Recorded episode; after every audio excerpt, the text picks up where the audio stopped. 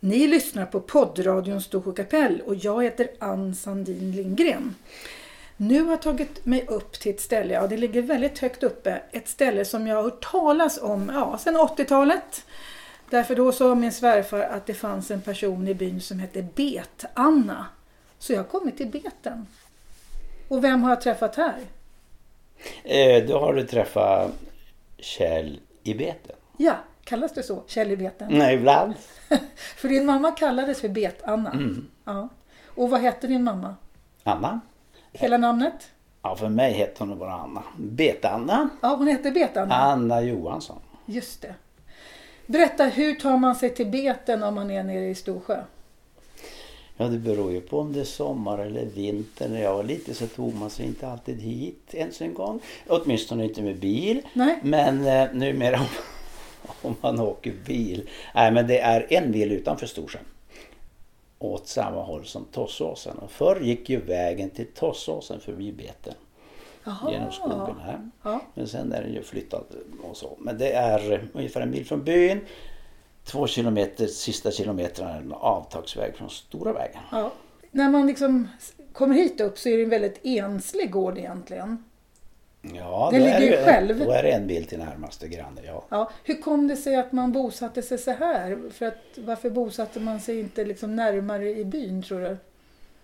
Mm, det vet jag inte riktigt men jag tror att det var så att man hade begränsade tillgångar. Alltså betesmark och, och, så. Man behövde liksom ha helt enkelt inkomst att klara sig. Ja. Tror jag. Och då fanns det först en fäbodvall här.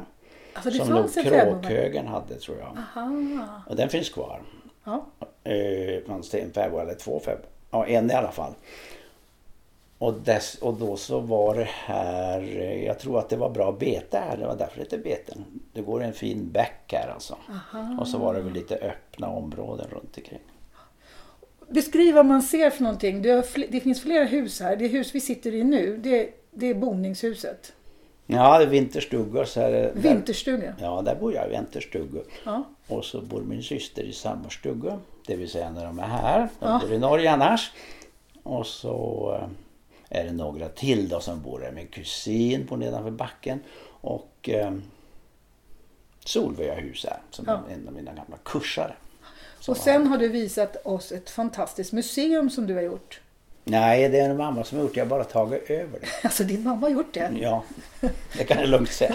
Jag har bara tagit över men jag har, till, jag har, eh, mm, jag har lagt till jag har lagt till lite från Härjedalens rokoko, nämligen det. soffan. Ja, vi såg det. Jag kommer Och lägga det ut som alla är de fint med bilderna. den soffan, det måste jag bara säga. Ja. Jag har fått den av min jordemor. Va, vad är en jordemor för de som inte förstår det? Det var väl det jag tänkte. Det är faktiskt barnmorska. Vem var, vem var det som var din jordemor? Han heter Lilly. Lilly. Mm. Bra. Du fick... Fick jag soff därför att de kom överens om det. De pratade ihop sig släkten. Att då tyckte de att soffan kunde vara kvar i byn och inte hamna på något ställe långt bort. Så då fick jag den. Fantastiskt. Och så fick jag gamla, gamla jordemors fina koppar eh, grejer som hon och hade när hon åkte runt och kokade grejer. Och sådär. Jaha, det är fantastiskt. Men nu måste du berätta, vilka släktingar började att vara här och som du vet om?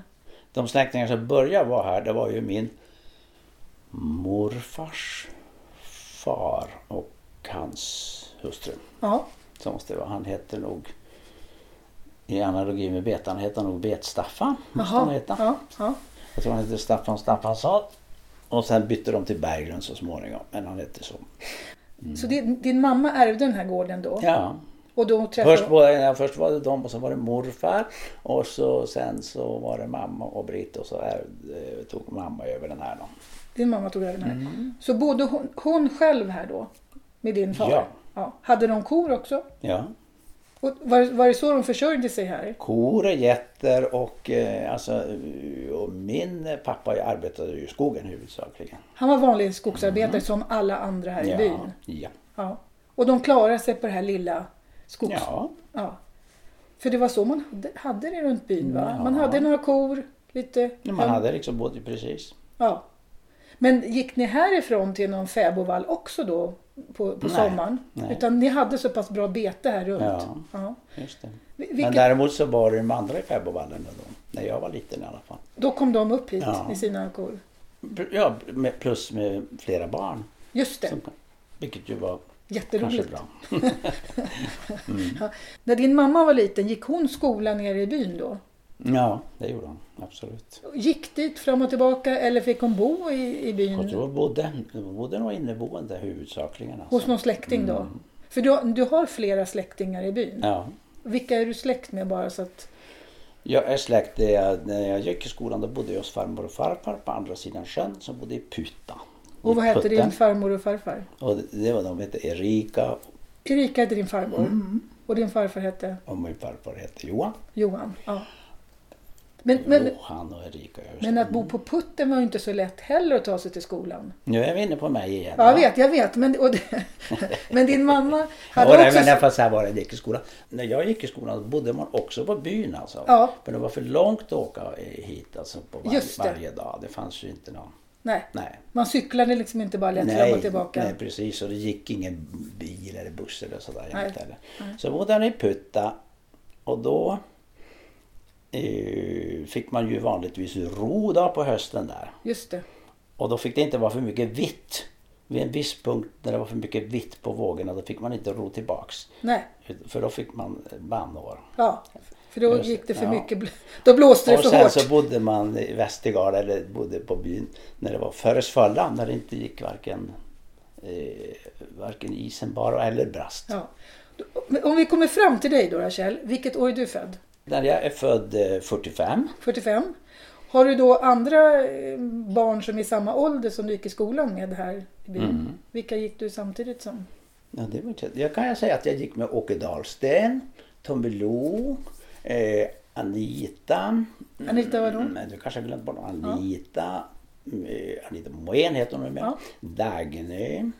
Dagny. Karlsson och bor nära er, Ja, tror jag. ja. Eh, På Rönningen? och Gunilda. Mm. Vidars syrra. Så det Ja, var, det där kommer jag ihåg raskt. det var bra. Inte, det var nog kanske fler men det var ju bra. Nej, säg fem då. Jag, Ja, om jag men på. det var ett helt gäng i skolan. För på den tiden, Ja, vi som jag förstår så var byn 300 personer. Och ni var ganska många barn va? Som ändå gick i skolan tillsammans. Mm, Ja, jag tyckte det var, ja, det var okej. Det var säkert så. Ja. Hur många år gick du i skolan här i byn? Då gick jag fyra år i skolan här och sen så bodde jag i Västergala och då så åkte man skolbuss till Ljungdalen. Ja. Så femman och sexan gick jag i Ljungdalen. Och sen då, sjuan, åttan, nian? Sen gick jag i Sveg på realskolan på den tiden. Du gick i Sveg. Mhm. Hur kommer det sig att du gick i, inte som de andra, att du inte gick i Svenstavik eller någonting sånt? Fanns Jag det tror inte då? det fanns. Aha. Men, Skulle man gå i skolan, nej då fick man flytta eller åka Mm. till Sveg. Men du bestämde dig för att ta realen? Eller någon bestämde sig för att jag skulle ta det. Jag jag bestämde själv Ja. direkt. Men du, vill, du var duktig i skolan då och tyckte det var roligt Ja, med det tror jag. skolan? Ja. sannolikt var jag det alltså. Ja. Det var säkert lärarna som sa det att eh, Till din mor och far nu får du nog ta och skicka iväg den där. han, han verkar läshuvud. Köstes på huvudet lite. Ja, Ja. För det kostade att skicka barn Ja, till skolan? det tror jag. Ja. Har du syskon? Min syster gick i realskolan dessutom. Du har en Som äldre... är två år äldre än jag. Ja, Så hon fick också gå i skolan? Ja. Ja. Och sen då, efter Sveg? Då måste jag berätta, Ja. när du säger Sveg så kommer jag på en trevlig sak. Eh, när, vi, alltså när vi gick i Ljungdalen där. Då fick vi följa med skolresa, en av lärarna till Skåne. Jaha. Och det var en fantastisk sak, jag bara kommer ihåg den nu när jag Ja. kom på Sveg. Då stannade bussen först i Sveg och då så eh, lurade vi runt där och då gick vi omedelbart vilse för vi tyckte det var så spännande. Höga hus, det var tre våningar på det huset. Och vi köpte Elvis och Tommy-märket. Och, Alltså, sen så- och sen så var vi i Skåne och då såg vi för första gången på TV 10 000 kronors frågan. Hur kunde det inte vara mera spännande? Det var spännande. Mm. För då hade ni mest varit här uppe? Ja. Ja. Men om vi då backar lite grann. Vad gjorde man som barn på den tiden? Jo- Gjorde man samma sak som idag? Att, för idag åker ju ungdomar skoter. Åkte ni mycket skidor och sånt då? Nej, jag tror vi satt inne och lekte med kottar. Det tror inte jag. Nej, men tror det möjligt det kanske hjälpte till. Eller ja, jag vet inte hur det blev. Gjorde man väl hjälpte till i slotter och sånt där. Alltså, Det gjorde man. man, gjorde ja. säkert mera sånt. Man var också. mer nyttig liksom. Mm, det tror jag. Och, och hängde runt dem när de Ja, äldre det- satt och pratade. Mm. Tror jag.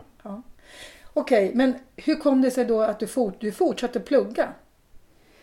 Ja, just det. För det var väl också en grej, jag. o- ovanligt. För Ja, många kom ju tillbaks och började i skogen. Ja, Varför just jobb- det. Nej, men när jag gick där radskola och det var ju väldigt trevligt där på alla sätt och vis. Evert Ljusby gick en klass under, spelade på dans eh, Mm. och så. Och... eh, Och det var lite fint va, att gå i radskolan? Ja, det Eller? var det kanske. Det var det väl va? Ja. Mm. Jag vet inte, det tror jag inte man uppfattade själv som att det var fint. Det tror jag absolut inte. Men de flesta karlar i den här byn, de stannade ju kvar och, och började som sina föräldrar i skogen. Mm. Ja, just det. Och när jag frågar folk efter, vad- efter vad gjorde ni när du var, gjorde klart skolan i sjätte klass? Eller, ja men då börjar man i skogen. Nej, Men jag har inte tänkt så mycket på det. Hur kom det sig? Däremot så tror jag att man jobbade på somrarna var man ju pinnpojk och sånt där. Och Ja. stämpla och sådär alltså. Mm. Men eh, hur kom det sig att man började gå i gymnasiet? Ja, det är alltså... Jag tror inte det var någon sån där vansinnig vilja. Det var det inte. Jag tänkte, men det, väl, det var ju många som gjorde det. Ja. Eller oss, ja. Ja. Så var det väl. Och var gick du gymnasiet då? Och då gick jag gymnasiet i Östersund. Just det. Mm. Och då kom man till stor, storstan. kom man ju riktigt i storstan. Ja. Det gick en väldigt trevlig klass där också. Mm. Jo, Det verkar väldigt positivt. ja. Jo, men eh, det var en trevlig klass. Det var en blandad klass. Alltså. Vi var från landsbygden och några från stan. Mm. För annars var det ju bara eh, var det ju bara de från stan som gick i gymnasiet. Det har du helt rätt Ja, det var ju det. Men just jag gick i en blandad klass. Det var väldigt eh, mycket trevligt. De som eh, hade bott i stan de lärde oss allt då hur man uppförde sig i stan. Hur man tjuvrökte bakom gamla kyrkan och sånt. Ja, man lärde sig Viktigt, allt ja. det bus som man ska lära ja, sig ja, ja, i stan. Bra. Mm. Men, Så de träffar någon gång fortfarande. men när jag frågar folk så här hur det var att komma från Storsjö och börja plugga någonstans. Då, då fick, var det lite så här mobbing ungefär som ni lappar. Alltså ungefär som att här uppe man, man blev ansedd liksom. De tyckte, det, det är inte många som har jättepositiva upplevelser. Jag har inte något negativt på det. Alltså. Nej. Har jag inte. Nej. Men det kan hända att jag var, då var ju jag tillsammans med dem som, som har gått med i Sveg och så. Alltså. Ja. Så bodde vi på elevhemmet i Östersund som var ganska disciplinerat och bra tror jag. På Ja. många sätt och vis. Och din syster gick också och utbildade sig? Nej, hon, in, ja, efter realen. Men jag tror hon började jobba då lite i stan på bank och så. Just Mm. det. Vad heter din syster? Kristina. Kristina. Mm. Och mer i efternamn? Eh, alltså hon heter Johansson. Nu heter hon Näs heter hon numera. Ja, så det, man måste ju ta hela namnet. Vi tjejer har ju förmåga att byta namn. Jag behöll ju mitt. Jaha, ja ja. Så jag heter dubbelnamn. Ja, ja det är just Näs. Men, Ja, eh, men alltså det var en intressant fråga. Jag kan inte säga att jag kände mig på något vis, nej. Nej. Och när man tog realen sen, det var ju, eller studenten där. Ja det var inte många som hade tagit studenten eller kanske nästan. nej, det var det verkligen en eller inte. Två, det var få. Nej, jag visste det var bra. Det är väldigt, dels hade vi i stan då förstås massa av det här studentlivet. Men också när jag kom hem. Ja. Och vi hade stor middag. Ja, Och det var eh, helstekta tjädrar och släkt och hi och ha. Väldigt kul. för du var den första i familjen som tog studenten. Absolut. Ja. Var dina föräldrar stolta då? Det tror jag. Ja. För det var stort också då. För Mm. Ja. det var en slags klassresa man Ja, gjorde. det var ju speciellt. Alltså, det var ju sådana gamla studenten. De hade, det var sensorer. Det var ja, mycket Ja. sånt där. Riktig student. Och de som inte klarade sig fick gå ut bakvägen och skämmas. Ja, ja. Så var det i våran klass alltså. Ja. Mm. Och sen fortsatte du att plugga. Mm. Vad tog du vägen Jag tror sen? inte jag jobbade... eh, eh, På den tiden så fortsatte man ju att plugga. Man behövde inte åka liksom till Nepal och så, liksom Nej. den turen innan man började plugga. Man behöver inte Utan- hitta sig själv Utan innan. man. Då pluggade jag pluggade lite i Stockholm och sen har jag läst i Umeå. Jag har ju varit liksom norr, Norrlandsbunden hela mitt liv ja. Ja. till min stora glädje. Men även då, då kostar det att plugga. Så dina föräldrar Nej, måste... men då fick man ju studielån alltså hyfsat. Du fick studielån? Mm, men hur det var i gymnasiet, det är jag inte så säker på. Jag Nej. tänkte på det en dag. Hur var det där egentligen alltså? Ja. Ja, det. Ja, jag, tror, kom- jag tror de fick flytta på rätt mycket. Alltså, det var, fanns ju inte något eh, överflöd av pengar. Alltså. Nej, nej. Det gjorde det inte. För hur För fick pappa dina... jobbade, de pengarna gick ju raskt åt och så eh, när det var krisigt då fick man ta av getostpengarna. Just det. När mamma sålde getost. Hon sålde... Och din mamma gjorde ju massa vackra konstverk och annat också. Ja. Sålde hon dem? Tror de sålde några sådana här rotkorgar ibland. Rotkorgar? Mm. För, det- för det lärde sig flera stycken i byn att göra, sån här rotslöjd. Mm. Och det tog ju lång tid. Att man, Nej men sen jobbar man väl på, på, på, på, på somrarna jobbar man ju. ja, Det fanns ju alltid bra sommarjobb alltså. Det var också jobb i skogsplan- skogen och- ja, plantering. Sen jag är då på Kränkmotenhögen. just det, det får du berätta om. Krankmåtenhögen är en arkeologisk utgrävning va? Ja, Som du fick vara med och hålla på med. jajamensan. Jag tror vi jobbade två eller tre somrar där alltså. Vi, vilka var vi? Men vi, ja det var vi, det var ju dels han som heter Stolpe som var chef. Han är inte vid livet längre. Och så var det några till stockholmare. Så var det två flickor från Sundsvall som jobbade hela sommaren. Och det var ju spännande bara det. Och så var det jag och en från så. och mest så var jag ju tillsammans med en som heter Christer. Och det, han var alltså son till jordemor. Aha, Så hänger det ihop. det var bra. Så ja, visst, så att det är han som har coachat den här soffan tror jag mycket också. Okej. Ja, här hänger ihop allting på något vis. Ja. Men, men då, vad gjorde ni? grävde och Vi grävde, vi var liksom efter- grov, grovisar men vi grävde ju fram alla sådana här Ja. grejer. Djurnära ben och Och vad är kra- du får Och vi tala- grävde också på stranden där, där hensanden. Du får tala om för de som inte vet vad det är. Vad är Krankmårtenhögen för någonting? En gravplats? Krankborten är ju en gravplats. Ja. Det För vad då? Med, med sådana där traditionella järn, tidig järnålder. Är det. Tidig järnålder. Mm. Vad tror man att det var? Var det nomadfolk eller vad, vilka var det som hade det som gravplats? Vad, vad har Ja, man... där de tvistade lärde om de var liksom jägare och samlarfolk. Eller, det var de ju huvudsakligen alltså. Ja. Det tror man att de var huvudsakligen jägare och samlarfolk. Hur Men de hade hur de hade ihop, hur det, hur, vilka de var. Det där, det, Ja, det kan man ju inte veta jag riktigt. tror inte man eh, hänger med det där om hur det var det samiskt inflytande och hur mycket var det var det inte. Mm. Att de, eh, de grejerna som man hittade där alltså. Stenpilar och, eller vet du, pilspetsar och glaspärlor och så. Mm. Väldigt oklart om det liksom var folk söderifrån. Det var ju, de hade ju någon kontakt ganska. Mm. Om de var där bara och handelsutbyte eller om de var där hela tiden. Det, Det vet man inte så mycket om. Nej, jag tycker det, inte jag fick klart för mig där ja, riktigt. Nej. Nej. det är en väldigt bra plats att gå och, och en bra utflykt som ligger Mm. väldigt bra till. Ja, För den som inte vill gå så långt. det är det. Mm. Tala om vart man... Nej men den är ju restaurerad nu så att det liksom, jag reste ju upp de här stenarna igen och så. Alltså gjorde ni sånt också? Mm, vad gjorde vi? Ja, fint. Så grävde man under, alltså det var ju alltid på toppen av de så var det ju en platt sten och så var det en stor rund sten. Och så under den där plattan där låg de här brända benen. Men man- var de nu brände dem, det är inte riktigt klart. Nej, nej. Mm. Vad kul. Men du blev, du blev ju inte arkeolog. Nej, jag kanske funderar på det någon gång men... Nej. Vad drömde du om när du då började skolan? Vad tänkte du att du skulle bli? Bet-Annas son. Vad skulle han bli för någonting? bli? Ja. Hur tänkte han? När han där som skickades... Du menar när man var liten eller Ja, när man men när var stor? man, när man åkte iväg och pl- började plugga och förstod att man hade läshuvud och tyckte det var roligt att läsa. Ja, jag. Tycker, jag tror inte att det var liksom så att jag måste bli sån där medicinare eller tandläkare eller något sånt där. Nej. Jag kunde lika gärna tänka mig att bli bagare. Det kanske jag ville något med vitt rock som jag tycker var kul. Så det, Du, var, ja, du började längta efter en vit rock. ja. Och när bestämde du för att bli medicinare? Nej men sen så...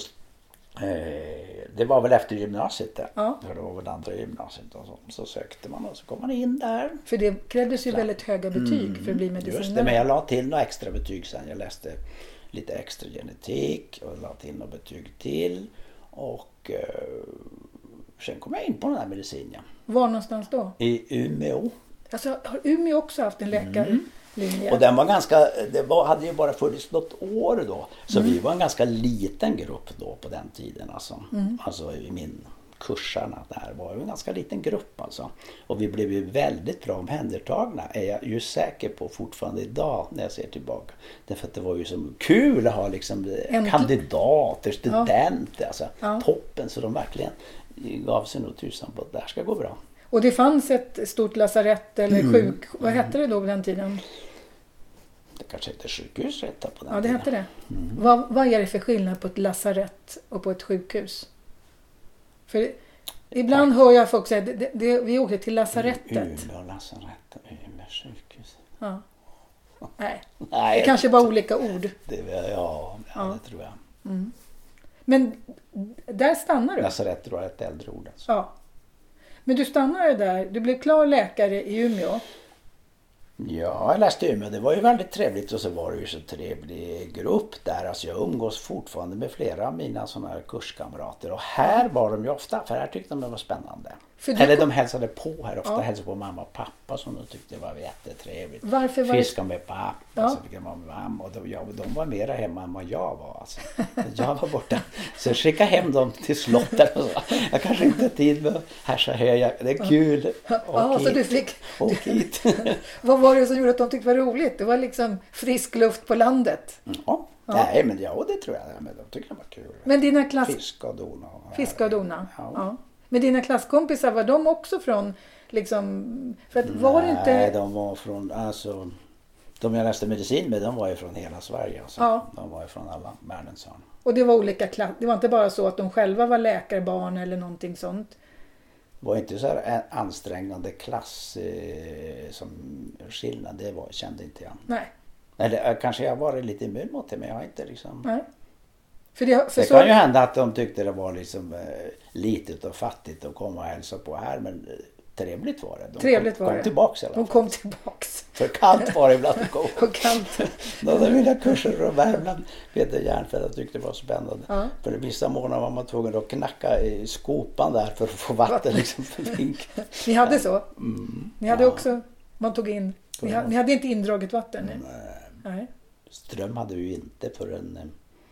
Jo, kanske hade, men inte... Nej, någon gång 70. Alltså Någon 70? gång mitten på 70 tror jag. För att på, i byn kom ju på 40-talet. Mm, men här var det 30 år senare säkert. det var det. Det var det. Mm. Men är det, är det någonting som du har tänkt på när du var liten att det inte fanns ström här? Tänkte man på det? Ja, jag vet inte. Eh, Vi hade, jo, vi hade nog eget aggregat ett tag. Det hade vi. Det hade ni, Sån mm. egen ström. Det hade vi faktiskt. Mm, nej. Om det är något jag tänkt på nu när jag blivit äldre. Mm. Att vi inte hade ström. Vad skulle jag gjort för mig? Men jag vet faktiskt inte. Nej, nej. Det enda bestående med det är att jag är inte särskilt förtjust i glass och det, kommer, och det tror jag beror på att jag åt aldrig glass. jag var. Det fanns ingen frys helt Det enkelt. fanns ingen frys. och så alltså, så jag tror det är så. Ja, men du tycker om att elda i alla fall? Elda gillar jag. Ja. Mm. Det har du gjort hela tiden då. Ni varit tvungna att hålla på och Ja, hålla igång alla Ja. vedspisar och sånt. ja, men det är ju lätt för nu är man ju i vedålder så nu är ju det väldigt bra. Det, och du gillar att hålla på med ved? Som, ja, Ja. kan jag- okej. Men nu får vi vidare. N- när specialiserade du dig då? När, vad var det som gjorde att du... För du blev barnläkare. Ja, Hur kom det sig? jag tror många sådana saker beror inte absolut att man bestämmer sig utan det är mycket lite tillfälligt. Alltså det man kommer dit, det är trevligt, Mm. man liksom fortsätter bara. Ja. Det tror jag. Och, och sen började jobba på Umeå sjukhus. Nej, sen flyttade vi till, eh, så jobbade vi ju, jobbade lite Värmland, gick man ju där och sen så flyttade vi mera definitivt. För då, då gifte vi oss, fick Ja, barn, vi, hade den, just det. den. Hela, så då bodde vi i Norrbotten. Och, faktiskt, och när trä- jobbade jag på, i Boden i, tio år säkert. Jaha, Eller mera. Och det var som centralsjukhus i Norrbotten. okej. Och din fru som du träffade då? Mm. Din fru, Hon flyttade med. din fru heter? Gunnel. Kommer hon från Umeå då? De kommer från Norrbotten också. Oj! Gällivare. Och hon pluggade också i Umeå? Nej, hon var väl, det var väl kärlek på lasarettet. Hon, jobbade- hon var operationssköterska på neurokirurgen. Eller så, Det var ju bra. Jaha, så ni kunde följas åt då med gemensam Ja. bakgrund? Ja, Mm. just det. Jo, nej, det var något väldigt trevligt förstås. Mm. Eller det var väl liksom arbete och hela sådär. Ni, Jo, jag tror det var väldigt bra tid på alla sätt och vis. Man Ja. lärde sig mycket och man jobbade. Det var som en trevlig gäng där som jobbade med barn. Mm. Och man hade... Man kunde gå massor med utbildningar om man ville. Men åka dit, säga nu vill jag verkligen göra det. Och då eh, gjorde man det. Åkte man till Oslo, där bodde syrran. Så gick man lite utbildning, så kom man hem. Och så eh, var man liksom positiv då. Och liksom tittade inte på om stämpelklockan slog det eller det. Utan man jobbade och gjorde det liksom. Ja. Det var lite kul. Nu börjar vi med det här. Just och, så. det. och det är en skillnad mot nu. Ja. Mot när jag snackar med mina yngre kollegor. de är alltså. väldigt stressade. Ja, de kände liksom att det... Alltså, jag har en känsla att vi kände liksom då att Jaha, men nu ska vi sköta om det här barnsjukhuset här. Mm. Och nu är det liksom det är våran uppgift. Och nu jävlar gäller det lägga manken till att göra det. Istället för att nu känner alla liksom, det är någon som annan som bestämmer. Eller liksom utanför. Det är massa Och politiska säger nu ska du beslut. göra där och så nu ska du visa att du har gjort det där. Ja. Och si och. Dokumentationen har bara Mm. ökat. Ja, Man måste ja, bevisa. eller så ska man måste, mm. Mm. Och så måste man gå liksom och, eh, och stämpelklocka eller så. och så. Mm. Det fanns ju inte då. Men sen så jobbade jag också i Östersund. Oj! Ja. Ja, för att bo lite närmare mamma och pappa då. Men Mm. pappa hade dött då förresten. Men, ja. Men, men då bodde Nej, du och din fru där? Ja. Och flyttade- era barn föddes var någonstans? De föddes i Umeå. Först föddes föddes i Umeå och eh, Josefin föddes i Arvika i Värmland. Och Stina föddes i Norrbotten, i Piteå. Nog. Ni har tre barn? Nej, men då jobbade i Norrbotten. Det var jag väldigt positiv över det, måste jag säga. Så jag jobbade i Östersund tio år. Är ungefär tio år sen flyttade jag till Umeå igen. Eller jag jobbade i Umeå av och till, men alltså nu sista tio, eller var det 15, 10 år kanske, då har jag jobbat bara i Umeå. Och hur länge jobbar du då? Till vilken ålder jobbar du? 65? Du jobbar till 65? För som läkare kan man ju egentligen jobba hur länge som Ja, helst idag va? Men du bestämde dig för att gå vid 65? Oövervinnerlig kan man jobba hur länge som helst. Ja, visst kan man? Eh, ja, det kan man, men jag eh, slutade då ja. Ja. Nej men jag slutade, man kan jobba naturligtvis delar så här va. Men jag jobbade bara, när jag jobbade Umeå så jobbade jag då jobbar jag bara med barnonkologi, alltså med barncancer. Explicit alltså. Oj. Så det jobbar jag med liksom hela, hela dygnerna får man väl säga. Inte det Dygnen väldigt- var lite långa ibland. Ja. Men det jobbade vi med. Och då kände jag när jag, alltså, att man var tvungen att bestämma sig för då var man van att jobba alltså typ 150 procent, nej men alltså typ Ja, eh, väldigt jobba mycket. Mm. och man var tvungen att liksom följa med och hänga med vad man skulle göra. Mm. Eller var. Så då kände jag att det där passade inte mig riktigt bra att jobba bara. Så Mm. 50 procent eller så. Så jag tänkte jag, nu är jag färdig med det. Så Ja, då, då är men- jag färdig med det och då flyttar vi tillbaka hit. Ja, då flyttar ni hit. Ja. Ja, men innan dess måste jag fråga. Om att, jag nu, ja. att jobba med sjuka barn, Ja. det är en sak om man botar dem. Mm. måste kännas väldigt bra. Men hur är det att jobba när barn faktiskt inte blir friska? När de faktiskt Nej, dör men- av sin sjukdom. ja, det var ju så naturligtvis att de mörka sidorna, de var ju väldigt mörka men de ljusa var ju desto ljusare. Så det kompenserade? Så skulle jag vilja säga. Ja. Så det var inte så att man liksom blev väldigt deprimerad själv av att se Mm. så mycket elände? Nej, det tycker jag inte. Det var det inte. Nej. Man klarar fler och fler barn va? Man glömde, det har ju hänt massor. Alltså när jag började i... Ja, när jag, när jag började som barnläkare. Det var väl alldeles i början det började bli lite bättre men alltså bara några år innan. Så var det ju nästan inga som överlevde alltså, med barncancer. Nej. Och sen blev det ju bättre och bättre. Liksom. Ständigt bättre och bättre. Nu är det ju 8 av 10, nästan lite mer än 8 av 10 som klarar sig och blir bra. Mm. För barnens cancer Ja. går väldigt fort va? För gamla människor får ju också cancer men det Ja. går mycket långsammare. Nej, det är lite högt tempo faktiskt. Där. Mm, Absolut. Men, så att det här jobbet som du har haft har känts bra? Ja. För det måste ju... Ja, det har känts jättebra. Och Men det- det... har alltid känts bra. Alltså, det måste jag säga. Tycker jag. Och sen bestämde ni er för att flytta tillbaka hit. Så du är skriven här på beten. Ja, och då flyttade jag tillbaka, flyttade tillbaka. Eh, nu är det ju så att jag är ju född i kammaren. Här. I kammaren här. Av Så din vi- jordemor? Ja, min jord... Nej, med min mamma. Ja. Med hjälp av Ja, jordemor. vet. Och- Okej, då har du rätt. Det Jag är i alla fall född i Kalmar Ja. Så vilken huspsykolog som helst skulle säga det att jag aldrig flyttat hemifrån. Nej. Jag har bara varit borta lite. Så nu har jag flyttat tillbaka. Ja. Mm, ungefär så. Men, men du bor ju inte här på sommaren va? Nej men alltså vi har kvar stuga i Västerbotten vid kusten där. Nära Umeå. Så ni, Som så, vi hade när vi bodde där. Så då är man där på sommaren. Lite i maj och så är man där på sommaren. Det är kanske efter midsommar och framöver lite. och sen är ni här på vintern här, helt enkelt. Från, ja, från augusti. Men är det inte lite ensamt här uppe på beten? Mm, nej, jag tycker att det är mycket trevliga besök här. Ja. Mm. Ja. Det är det. Och era barn kommer hit också och du har Ja. släktingar och allt möjligt som... ja, Det här är... det tycker jag. Ja. Nej, men vi åker väl vi är borta av och till. Det är vi visst. Det är ni ja, också. det är vi visst. Vi är borta ganska mycket till och med. Det Ja. kan jag ju säga. Det måste jag erkänna. Ja.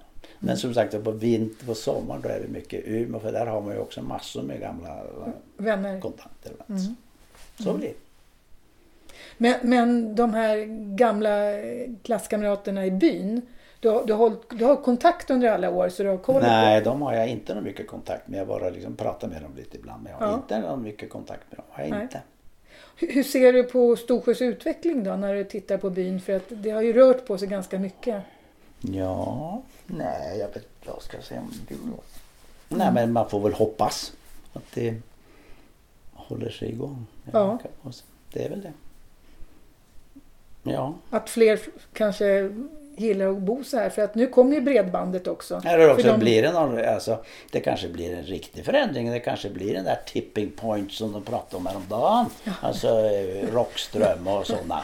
Och då kanske man helt enkelt flyttar ut. Det kanske man, Det är kanske här man ska bo då. ja, När klimatet förändras. yes, det kanske är det. Då kommer de stora strömmarna kanske- vandra upp i Norrland. det är hit de kommer bo. Nej, det var väl Ja. optimistiskt förstås. Men, men när ni är här, håller du också på liksom och fiskar och jagar och allt sånt där? Jag gör allt sånt. Jagar också? Ja. Ja. Ja. Det har du gjort sedan du var jag- ung, eller? Ja. Nej, jag är ingen sån här större så. Men jag har alltid varit med i jakt, älglaxlaget som heter Betens jaktlag. Jaha, ni har betens har jag jaktlag. alltid varit med i. Vilka är det Jag som har är... inte tillhört eliten på något vis. Vadå Men jag har varit eliten? med i alla fall. Inte nu sista åren inte, Nej. utan jag jagar bara lite på mitt eget. Ja, Eh, men det är trevligt. Det har ju varit ett sätt att hålla kontakt med Ja. liksom, hemmet och bygden. Där. Jättebra dessutom att prata med, alltså inte bara umgås med de här akademikerna hela dagarna. nej, nej. Jättebra tror jag det har varit faktiskt om jag ska tro något. Ja. Eh, Vilka är det som är med i ditt jaktlag? men ja, det är Bert-Ivan. Jaha, och just Kent. det. Just Ja, det. Mm. Kent Moen. Ja. Ja. Och flera till då. Nu är lite yngre. Mm. Mm, så det har väl varit bra. Mm. Och numera så ägnar jag mig åt också jagar lite fågel av och till. Oj. Försöker skjuta någon sån där tjäder när, de, när de sitter där. Så Men-. Det Men gör jag. är det någon fågelskådare? För det är också poppis här nu. Jag är inte särskilt bra på det. Nej. Nej. Det finns ju de i byn som är duktiga på det. Ja, Det Kent. Ja. Eh, nej, utan eh, det är som sagt för nu har jag när jag inte har det går så mycket tid till älgjakt så skjuter jag en och annan tjäder. Det, Så nu på nyårs... Så nu har jag ätit, nu har jag ätit tjädervallenbergare på nyårsafton här. det var fantastiskt. Mm. Mm. Väldigt gott alltså. Ja, det är i alla fall, man kan ägna mycket tid. Det går mycket tid åt det om man ska gå och spana. Så det finns tid. Eh, när vi gör mera plockar vi en massa svamp eh, och så eh, går vi faktiskt lite i fjällen också. Det gör ni? Ja, och nu Det- har barnbarnen från Nordnorge varit här och då har vi åkt långt upp till de här där vid, eh, vi åker ju upp över det här Rensnävet och de krokarna. Okej. Det är Mm. nästan aldrig några människor där alltså. Nej, nej. Ja, det är det som är så häftigt här. Ja, Och nu- nu finns det- Alltså. Man åker en hel dag, man eh, träffar Ja. ingen. Nej. Och, och nu har ju Mar- Marlene Åslund lagt ut en massa fina såna här små tips vart man kan gå. Och det Mm. roliga när man går dem, det är att man själv går där. Det är väldigt få andra som går dem där. Mm. Men ändå så vet vi nu, vi som är turister, vart man ska stanna bilen, vad man, vilken stig man ska börja på. Ja, ja, Ja, för det är svårt annars att hitta. Men hittar du runt här, fjällen här? Ja, Det gör du? absolut. Och dina barn har också... Och skogen också hittar Det hittar du? Ja, Ja. sådär. Ja. Kanske, men hyfsat. Man behöver inte titta så mycket numera. nu, Så jag kunna vara upp, uppkopplad helt Man har GPS med sig. Men, ja, men jag hittar bra tycker jag. Ja. Och, och Ja, skoter, skoter och sånt, kör du det? Ja, Fast jag såg att du hade spark också. jag är naturligtvis mot, mot, det men jag tycker det är vansinnigt roligt. Du tycker Så jag har två skotrar. Tog skoter. Ja, ja, jo, då. Det finns en postlåda när man åker upp Den där. det är våran. Ja, den står där nere vid vägen. Ja. Förr så gick ju posten eh, eh, kanske ända hit upp va? Nu måste ni... Men det är ju en intressant sak med posten. Ja. För nu, nu bor ju ni i Hanabacks. Ja. Och där bodde ju Paul, Paul vad hette han? Ja. Paul Hanaback. Och hans pappa Per. Och hans, pa- Var Per? och hans pappa var Per. Ja. För det där frågade någon annan om idag. Och då, jag sa att jag tror det var Per som var lantbrevbärare. Inte Paul. Paul var... Ja men då hade jag rätt. Det var Per det. Ja. Per han var lantbrevbärare. Han åkte här och så stannade han här och så åkte han gamla.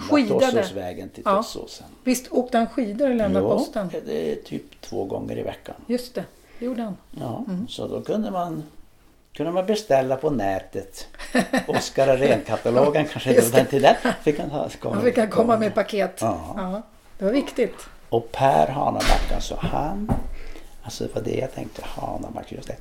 Per Hanaback, han, en gång när jag var liten Mm. och var på byn, då var det sån uppstigning med helikopter. Oj! Man fick för en viss summa pengar Ja. ganska dyrt tror jag, Mm. 10 kronor och sådär. Då betalade han det till mig så fick jag åka. Åh, vad snällt. Det var väl fint? Ja, det var fint. Ja. Nu, nu har ni den här fantastiskt fina gården och du har ju också behållit alla de här fina sakerna. ja, Varför tror du att du vill vara här istället för att vara i Umeå? därför att jag aldrig har flyttat härifrån. Är det så? Ja, det är säkert så. Så rent mentalt så är det här hemma för dig? Ja, Är det hemma för dina barn? mm, ja det är det nog. Det är det? Det är viktigt? Nej, det kanske inte är hemma för mina barn. Det är inte. Nej, de har ju egna hemma. Men eh, det är inte ändå lite, någon... lite hemma. Man Lite hemma. olika hemma. Ja. Vad är det som, om du ska försöka beskriva, vad är det som gör att det är så positivt Nej, att det vara kan här? inte vara hemma. Mina barn de är väl hem hemma för de är ju födda på några liksom. Andra Eller de ställen? har bott på andra ställen många år så det kanske man inte kan säga. Nej. Men, men om du skulle försöka formulera, vad är det som gör att det här stället är så positivt för dig? Förutom att du är född här, i rummet bredvid här. Vad är det som gör att det här är ett ställe man vill vara på? Det tror jag inte jag har något speciellt så jag kan uttrycka ord speciellt. Det är Nej. bara en känsla. Och vad är känslan då? Ja, den är nog positiv. Jag tycker man, jag, mm, det är liksom hemma. Det är en specialkänsla. Jag. Ja. För många... Men jag skulle, eh, å andra sidan så förutsättning för att man ska känna sig hemma det är ju också att man kan vara borta, vilket ju också kan vara Ja. rätt mycket. Jag kan vara med. Om jag var här jämt som du säger, blir inte tråkigt på vinter. Då tror jag att det kanske blir annat. Mm. Men så är det ju inte. Nej. Eller så, det har vi sett till att det inte är kanske. Man Nej. liksom undermedvetet eller inte vet jag. Så att, eh, mm, mm, jag tror så. För, för när man pratar med folk, jag har intervjuat väldigt många liksom, som Ja. ändå talar om att de trivs väldigt bra att bo i Storsjö eller Ja, om de ja. vill återkomma hit eller flytta hit, flytta hem. Okej. Och så försöker de sätta ord på det. Så är det väldigt svårt att sätta ord på det. Men Mm. det är väldigt mycket som handlar om det här med lugnet, naturen. Att man mår bra rent själsligt. Mm. Ja, det tror jag. Ja. Ja. Ingen stress, man får vara sig själv. Mm. Man behöver inte klä sig på något speciellt sätt. Nej. Man, man, eh, Ja, kanske. är det så? Ja, jag tycker hustrun kan vara lite sträng där. Alltså, Nej, men det kan väl vara att man får. Mm. Eller hur skulle du vilja beskriva det? Vad är det som gör att man känner sig bra här?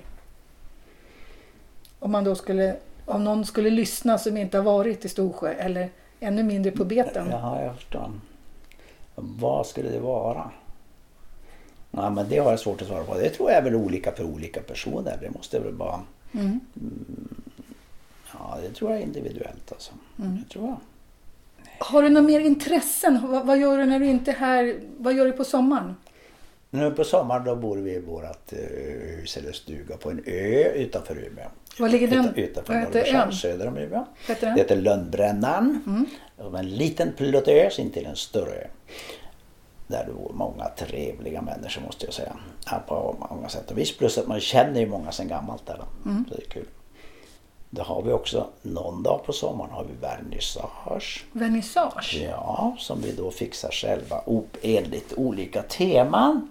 Jaha. Och då till exempel kan man ha, då har vi haft ett år hade vi till exempel eh, har vi haft matematik som tema och då tog jag ett helt bunt av sådana där fjär, du vet de där noterna som Ja. man kikar på.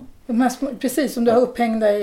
i Och så har jag hängt upp dem jättefint. Vi har haft olika träd enligt Fibonaccis talserie. så, Nu är vi inne i fina konsten.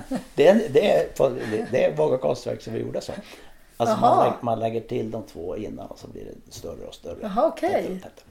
Det blev väldigt succéartat, ja. så ni kör inte konstvernissage utan det är vernissage med teman? Ja, olika teman. Och bjuder in folk då? Ja, så Va- får man ha någon, får, gör man några tillsammans eller med någon annan. Och så eh, de som på andra sidan den stora ön. Eh, de har vi då ibland tillsammans, ibland som konkurrenter så går vi över dit. Oj. Och så har vi samma tema. Mm. Men du spännande. fiskar och, och seglar eller någonting Ja, sånt där med, eller, eller där i Fiskar mycket jag. fiskar? Ja. Mm. Och fiskar du även här i Storsjö? Nej, Det gör du inte? väldigt lite. Jag fiskar mest med spö och sånt här. här. Ja. Så, spö. Nej men så det är ju trevligt. Så det var mycket kul på somrarna, det kan jag lugnt säga. ja. Jag kanske ska visa några fantastiska, för jag har på någon bild. Just det. Men ja, jag tar gärna lite bilder också. Och, och det ska jag berätta, du har ju redan visat åt massa fina saker ute i er laggård. Eller din gamla laggården. Ja, Vad kallar du den för? Heter det laggård eller vad ja? Fjöse. Fjöset, ja. Där du har, en har en fantastisk utställning. Fjöse. Och det, jag tycker du kan berätta om det här rokoko även i kyrkan som du sa. Ja, det är ju jättekändis alltså kyrkan, men det tror jag alla känner till vid det här laget. Att? Det måste, du måste Ja, jag- ta lite kurs här. Ja Mm, precis, jag tar lite kurs här. Mm. Tala om vad det är för, för var det din släkting också? Ja, han ingick nog inte i det riktigt, men han har gjort någon ljusstake där i kyrkan vet jag de säger. Ja. Som jag vet vilken det är. Men annars, det mesta snickeriet det är från han som heter Jöns Ljungberg. Det är från 1700-1800-talet. Det Alltså. finns en jättefin bok om det. Jag ska visa. Ja, jag, jag har sett faktiskt den boken. Jättevackra Mm. från kyrkan. Så det finns här och så finns det på Röros också. Ja. Och det var det, den här Mm. fina soffan. Ja, det, den där fina soffan det är en liksom, fortsättning på rokoko. För det är ju liksom 1800-1900-tal, du vet. Mm. Men det, det är liksom eh, förlängningen av det han... Det de förde in liksom där. Trevligt. Så, ja, trevligt. Alltså Kjell Johansson, jag har inte så mycket fler frågor för du är duktig på att berätta faktiskt. Jag tycker att det här är jätteintressant att få höra din berättelse. Och att du fortfarande känner dig som en Storsjöbo i grunden. ja, men det gör jag nog. För du är en av, liksom, eh, du är en väldigt, du har ju gjort ett väldigt, vad ska man säga, eller klassresa eller... Ja, just det. Men det, ja, det är möjligt. Jag har faktiskt- Nej, jag har inte känt av det sådär väldigt mycket. Jag funderar, det, nej, Du känner dig vanlig. det känns inte särskilt... Du känner inte jag mer känner, Jag känner märkvärdig mig inte besvärande av det. Ja, det gör jag inte. Du, du kanske säger som alla andra Storsjöbor att man inte känner sig ett dugg märkvärdig oavsett vad man har jobbat 40 år i skogen eller som cancerläkare för barn. Ja, det är klart jag känner mig. Jag har ju läst, eh, jag, jag har ju läst nyårsdikt här alldeles nyss eh, som du kan kolla på. Och då har Nina som bor nere på backen, de spelade in det på Facebook och visade mig idag. Ja, Och då fick jag 36 likes. ja. Det är det. Men det är Det var lite chockande tycker jag. Ja, vad trevligt. Ja. Ja. ja, tack så hemskt mycket för att jag fick komma hit till det här fantastiska stället. Tack själv. Man är Eh, välkommen åter. ja, jag har ju det- beskrivit vägen. Ja, precis. Eh, ni har alltså lyssnat på poddradion Storsjö kapell och jag som har försökt här nu att dissekera ditt liv heter Ann Sandin Lindgren. Den här poddradion görs helt ideellt av mig. Det är mitt sätt att bidra till den här byn som jag har förmånen att kunna vistas i så ofta jag kan tillsammans med min man Bosse Lindgren och hans bror Lasse. Vi har gården som kallas Hanabacks. Det är det första gula huset till höger mot sjön om man åker sjövägen från Handlan. Vill du veta mer om oss, gå in under fliken om poddradion. Då kan du höra vår historia. Vill du också bidra till byn och Storsjös utveckling? Det vill väl alla? Då kan man sätta in pengar till Storsjö byalag som har swishnummer 123 107 2891. Alltså swishnummer 123 107 2891. Man kan också använda bankgironummer. Då är det 5306 2840. Alltså bankgironummer 5306 2840. Ja, och det går ju lika bra att gå till Hans-Ove i affären och betala om man känner för det. Och det viktiga är ju att vi alla hjälps åt att stötta den här byn.